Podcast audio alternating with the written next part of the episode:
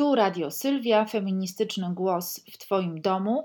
Nadajemy raz w tygodniu na kanale YouTube oraz platformach Spotify, Breaker, Google Podcasts, Pocket Casts, Radio Public i Anchor. Możecie więc znaleźć dla siebie odpowiednią platformę i razem z nami pobuszować po ideach feministycznych i około podobnych. Bardzo się cieszę, że zaczęłam ten swój podcast. Mogę raz w tygodniu gadać do komputera, nagrywać to, a potem puszczać świat. Czego chcieć więcej? No dobra, może kasy. E, póki co e, od razu tłumaczę się, czemu taki, a nie inny zadziorny tytuł. Więcej queeru proszę. E, I od razu zwierzam się, że jestem w trakcie lektury książki Maggie Nelson Argonauci, która wyszła 5 lat temu i zgarnęła mnóstwo nagród, a w Polsce ukazała się właśnie teraz dzięki wydawnictwu Czarne przetłumaczona została przez e, Kaję Gucio. Jestem w trakcie czytania tej książki, więc właściwie jestem zainspirowana tym, co czytam. To chyba jedna z nielicznych tak bardzo stuprocentowo queerowych książek na polskim rynku. I pomyślałam sobie, że to jest w ogóle coś bardzo ciekawego, bo w ostatnim czasie kilka innych książek dotyczących naszej psychoseksualności pojawiło się e, w Polsce, zarówno tych pisanych przez polskich autorów, jak i tłumaczeń. O kilku z nich wspomnę i opowiem. Natomiast bardzo ciekawe, bo to chyba jest taki moment, w którym nas interesuje to, co dzieje się w tej sferze życia. E, ale niestety interesuje też innych osób, co się u nas dzieje w takich sferach i e, myślę tu oczywiście o e, homofobicznych żygach, które muszę wysłuchiwać co i róż. Całkiem niedawno Miłość nie wyklucza zamieściło na swoim kanale ponadgodzinny film, który jest takim zlepkiem E, fragmentów e, dyskusji w takich bardzo lokalnych kręgach dotyczących przyjęcia bądź też nie e, tak zwanej strefy wolnej od LGBT. Można tam wysłuchać naprawdę polskiej grozy. I ten właśnie lokalny, społecznikowski, samorządowy profil tego, tego ścieku, który tam słyszymy i widzimy, naprawdę y, przyprawił mnie o gęsią skórkę i y, żyć w kraju, gdzie zarówno z e, tego poziomu parlamentarnego, czy e, od samego wręcz prezydenta e, słychać homofobiczne wrzaski, a potem jeszcze przenieść się na lokalny szczebel i słyszeć dokładnie to samo, tylko jeszcze bardziej rozbudowane, głowa może rozboleć z bardzo różnych przyczyn, y, ale między innymi tych przyczyn dotyczących po prostu naszego życia seksualnego i koniec. Stąd wydaje mi się, że książka Maggie Nelson ukazała się w Polsce w bardzo dobrym czasie. Oczywiście, że nie sądzę, że e, zostanie przeczytana przez te osoby, które, e, którym wydaje się, że wiedzą wszystko o naszej seksualności, no ale trudno. Maggie Nelson jest amerykańską pisarką, intelektualistką.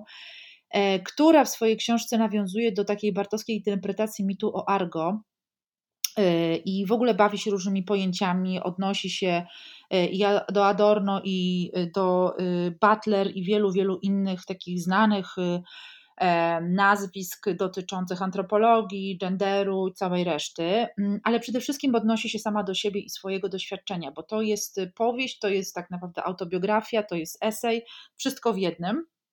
E, Nelson zresztą znana jest z tego, że lubi trochę e, mieszać gatunki e, i bardzo dobrze, bo robi to wyśmienicie. Jest od kilku lat związana z artystą Harry Dodgem i to bardzo ciekawe, jak też w tej książce, mm, również w warstwie językowej, widzimy napięcia dotyczące różnych określeń płciowości. E, i w jaki sposób Meji sama sobie y, zadaje pytania o to, co to jest heteronorma, y, co to jest w ogóle normatywność w naszej kulturze, ale również w tych najbliższych rodzinnych relacjach. E, ma e, dziecko z Harem, oprócz tego wychowują jeszcze syna Harego z poprzedniego związku. Czy Harry jest mężczyzną czy kobietą? Właściwie to jest jedno z pytań tej książki. Mm, e, ale na pewno ta książka jest też o namiętności i miłości. Pięknie się ją czyta, bo pokazuje złożony proces zakochiwania się, fascynacji erotycznych, w ogóle tego, w jaki sposób człowiek może wiązać się ze sobą. I myślę sobie, że tak wiele tej homofobii i nienawiści i wpierdalania się w cudze łóżka, że taka książka jest jak oddech. To znaczy, ona też pokazuje trudy, trudy w ogóle no właśnie, stwarzania nowego związku, dogadywania się, relacji z rodzicami najbliższymi, no ale hej, to jest dorosłe życie, kto powiedział, że będzie super. Natomiast y, czym innym jest po prostu ustalanie między dwoma osobami sposobu, w jaki się żyje, albo między trzema, albo pięcioma, a co innego y, trud dotyczący y, tego, że wciąż i wciąż ktoś mówi nam, jak mamy żyć. Powiedziałam, że ostatnio na polskim rynku ukazało się kilka innych książek, które również mówią o nieheteronormatywności, ale tak naprawdę o różnych możliwościach życia seksualnego. E, jedna z nich e, to książka Lizy Tadą Trzy kobiety, wydana przez Marginesy już jakiś czas temu, a przetłumaczona przez Agezano. Mm, Liza Tadeo jest dziennikarką i pisarką E, i napisała e, reportaż Trzy Kobiety, który bardzo szybko e, stał się takim no, nie tylko bestsellerem, ale przede wszystkim tekstem, o którym dużo się dyskutuje. Słuchałam na jednym z podcastów wywiadu z nią i rzeczywiście wydaje się osobą bardzo empatyczną. Zresztą wspaniale jest napisany ten, ten reportaż. Te tytułowe trzy kobiety to trzy różne historie w których e, e, główne bohaterki e, własnym głosem mówią o tym, jak dochodziły do momentu, w którym budziła się w nich świadomość i chęć samostanowienia, prawa do opowiadania o tym, co je podnieca, napędza i ekscytuje, o tym, kogo kochają naj, najbardziej, co takiego stało się, że niektóre z tych relacji e, okazały się toksyczne. Przeczytam Wam fragment y, tej książki, akurat części dotyczącej e, Liny. Linę dopiero romans pozwolił odkryć, jak ważna jest dla niej czułość, której brakowało jej w długoletnim e, heteroseksualnym małżeństwem. Lekarz od hormonów powiedział Linie, że gdy ludziom odmawia się w dzieciństwie jakiegoś aspektu relacji, gonią za tym w dorosłym życiu. Wyjaśnił, że jeśli matka ma ciężką rękę, dzieci mogą postrzegać seks jak towar. Z takiego domu wynosi się dużo wstydu. Lina odczuwa ogromny wstyd związany z seksem. Widzi w sobie kogoś, kto rzuca się w każde tabu, jakie tylko znajdzie, by sprawdzić, czy jest prawdziwe. Lekarz uważa, że to przez brak bliskiej relacji z ojcem.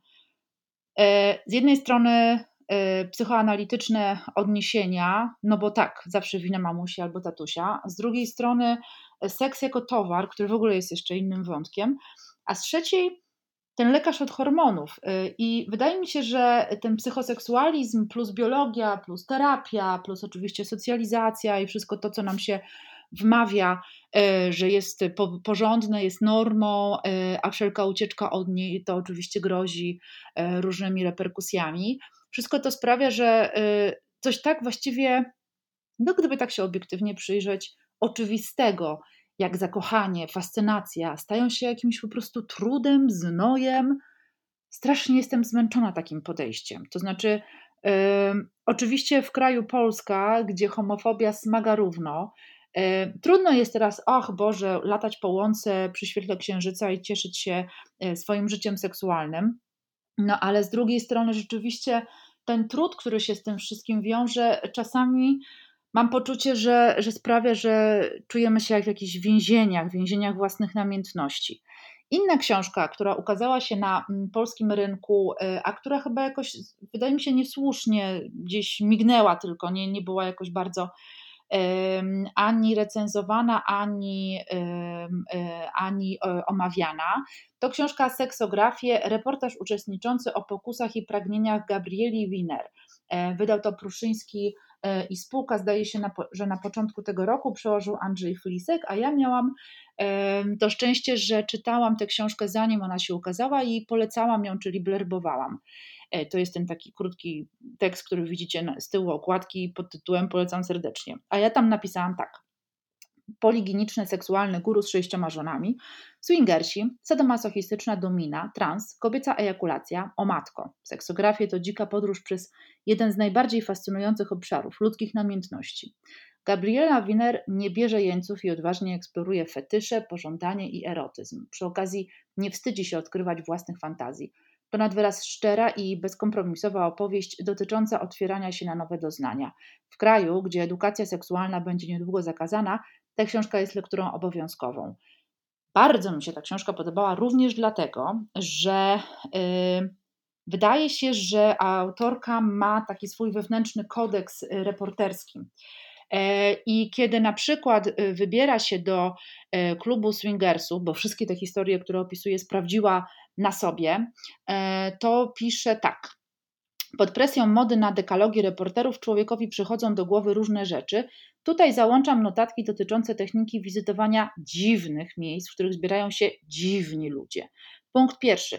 Nie pisz panegiryków na cześć niczyjego stylu życia, nawet swingersów choćbyś darzył ich szczerą sympatią. Przydziłabym się typową historią przygody seksualnej autorstwa dziennikarza o liberalnych poglądach. Punkt drugi. Wystrzegaj się turystycznego spojrzenia na życie innych, malowniczości, traktowania ludzi jako miłych freaks, którzy otwierają ci podwoje swojego egzotycznego świata. I punkt trzeci, od ględzenia bla bla bla o miejskich plemionach bla bla bla są antropolodzy, zamiast dać głos ludziom bez głosu, pokaż im jak mówić, by ich usłyszano. I tak dalej. Ten dekalog się jeszcze ciągnie, zrobił na mnie ogromne wrażenie, już pomijając w ogóle um, temat, którym zajęła się Winer, e, ale bardzo mi się to podoba też, jeśli chodzi właśnie o podejście do seksualności, bo czasami mamy takie poczucie, że wszystkie inne od heteronormy rodzaje związków psychoseksualnych traktowane są właśnie jako po prostu e, pocztówka z kraju dzikich. O Jezu, to oni tak mogą, pani kochana, jak tak można? E, nawet jeżeli są to pozornie empatyczne osoby, reporterzy, reporterki, którzy próbują dociec, ale wtedy natychmiast wcielają się w jakichś takich po prostu Bronisławów Malinowskich, którzy latają z latarkami i patrzą tam, co się dzieje. Tymczasem jeśli by potraktować bardzo otwarcie różne sposoby bycia ze sobą e, i bez tego dualizmu płciowego, bez y, tych takich jawnych, jasnych, y, niebiesko-różowych zasad y, społecznej gry, to rzeczywiście nagle otwiera nam się zupełnie inna e, historia i zupełnie inna brama.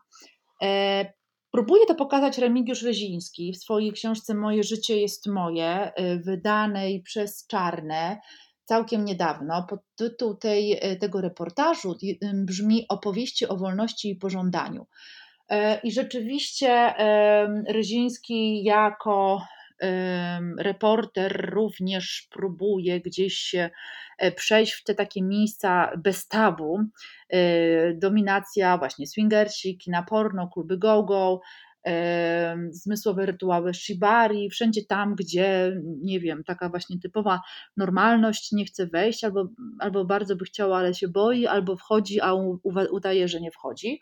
E, u Rysińskiego bardzo mi się podoba to nawiązanie historyczne, więc y, y, ucieszyłam się, że nawiązuje tym samym do y, tajnych dzienników Mirona Białoszewskiego, który opisuje pierwsze wizyty w, kin, w kinach gejowskiego porno w Nowym Jorku. E, jak wiemy, Miron Białoszewski uwielbiał nocne eskapady i y, wiele mm, biografów, biografek zachwyca się mówiąc, ach ten Miron tak sobie lubił w nocy chodzić po tych chaszczach, tak zbierać te gałązki.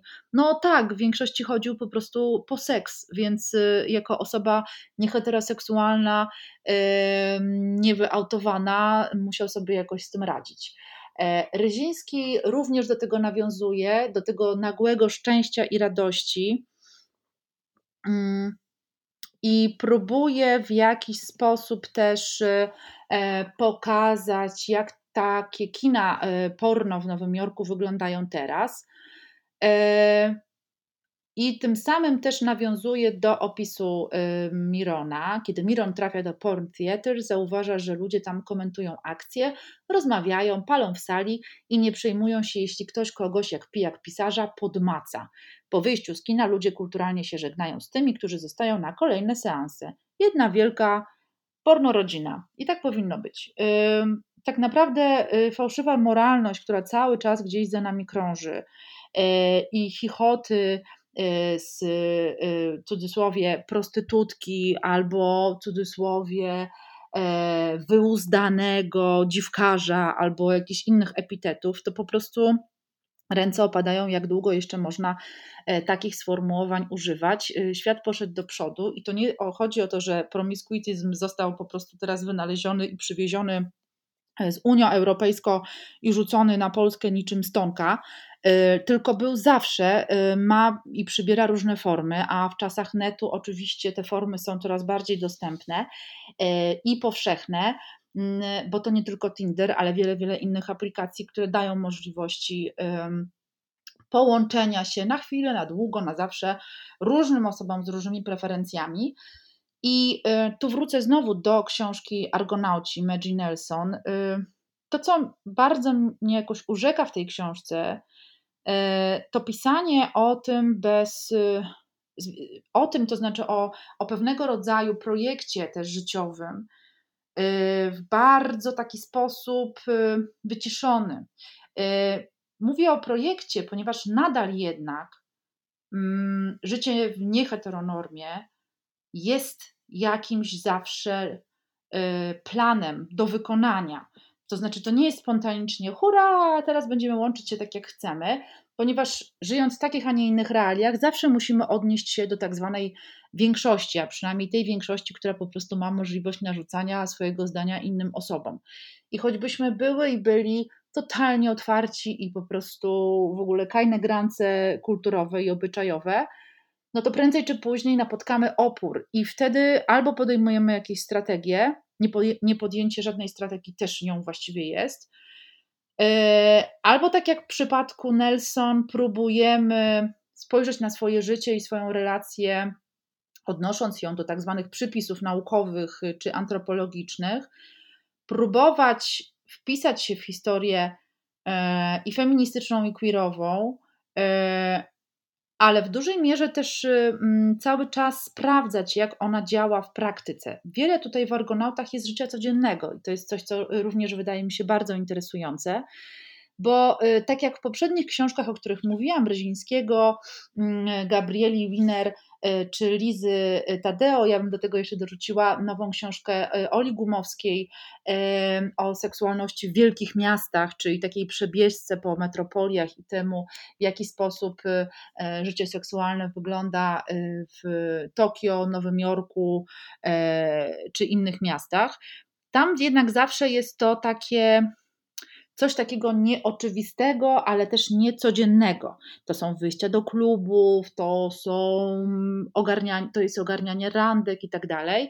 Przy czym w Argonautach w dużej mierze to po prostu jest nasze życie, leżenie, nie wiem, na podłodze z dzieckiem, sprzątanie jego rozwalonego jedzenia obok, a z drugiej strony szukanie mieszkania, e, pieprzenie się na podłodze, bo nie ma jeszcze mebli i tak dalej.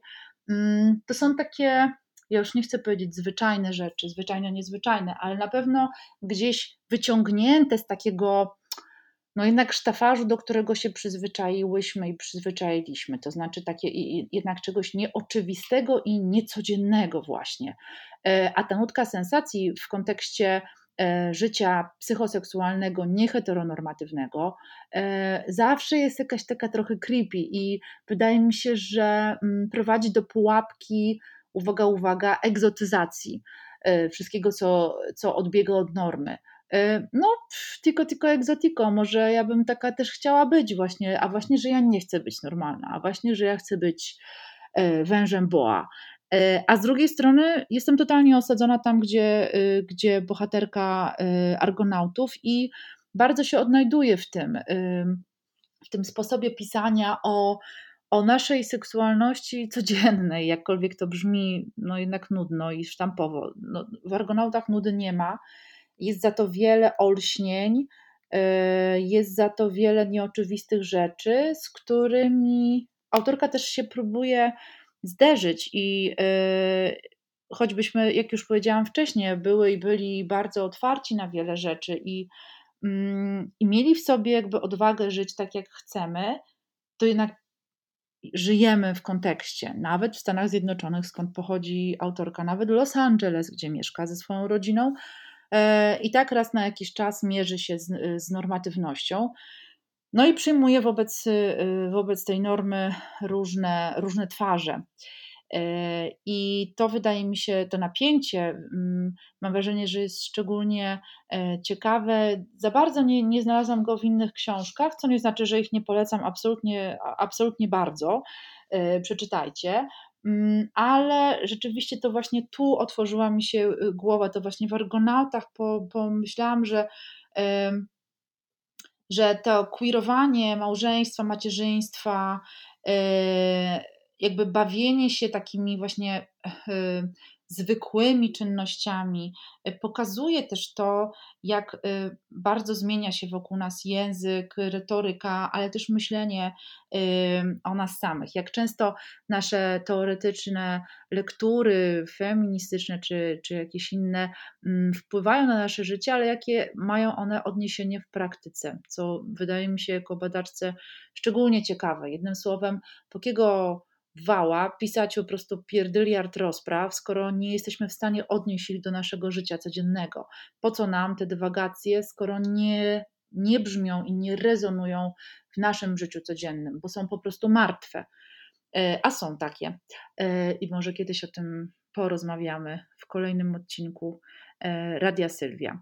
Na koniec chciałabym jeszcze powiedzieć o tym, jak bardzo trudne to jest czas życia w homofobii. Y, zawsze był, teraz też, szczególnie, że e, wchodzi ona y, cała na biało w każdym przekazie, w każdej przestrzeni publicznej. Jak bardzo wzruszające jest to, że kiedy jedzie się y, miastem, to widać w niektórych balkonach flagi tęczowe. Jak bardzo wzruszające jest to, kiedy znajomi i znajome piszą w prywatnych wiadomościach: Ej, trzymaj się, lubię cię, jestem obok jak te sojusznicze gesty, takie najzwyklejsze, jakoś e, umilają. Mm, I jak trudno jest e, czasem żyć tak, jak się chce. I nie chodzi tylko o to, że mm, to jest kwestia odpowiedzialności za swoje życie i za swoje wybory, ale to jest kwestia być albo nie być. E, I bardzo często te wybory życiowe są po prostu dla nas niebezpieczne, bo jesteśmy w takiej, a nie innej rzeczywistości. Więc dla wszystkich tych, którzy nie mieszczą się w normie e, i co ciekawe, w ogóle nie chcą się w niej mieścić, e, bo ja też normy bardzo nie lubię. Nie wiem, kto ją w ogóle mm, wymyślał, nie ja na pewno. Nikt się mnie nie pytał o zdanie, więc nie mam zamiaru się temu podporządkowywać. W każdym razie Wydaje się czasem, że im człowiek starszy, tym łatwiej łamać reguły, bo już wie, co to znaczy, wie, jak reaguje w sytuacjach stresowych, wie, jakie są konsekwencje. No nie. Cały czas trzeba uczyć się tego na nowo, cały czas trzeba ponosić konsekwencje. Mm, czasami jest się zmęczoną osobą, bo myślę sobie, no już kurwa, ile ja mam y, razy stać na tych barykadach, czy ja nie chciałabym mieć po prostu sympatycznego życia w jakimś miłym e, domku na prerii z ogródkiem. No, chciałabym, ale jakoś się nie zanosi. E, więc to zmęczenie też jest ok.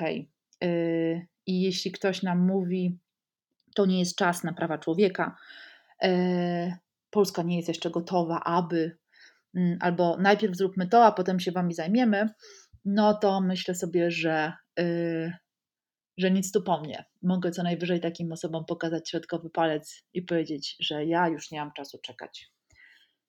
Dziękuję Wam bardzo. To był siódmy odcinek Radia Sylwia, feministycznego głosu w Twoim domu. Bardzo Wam dziękuję i słyszymy się za tydzień.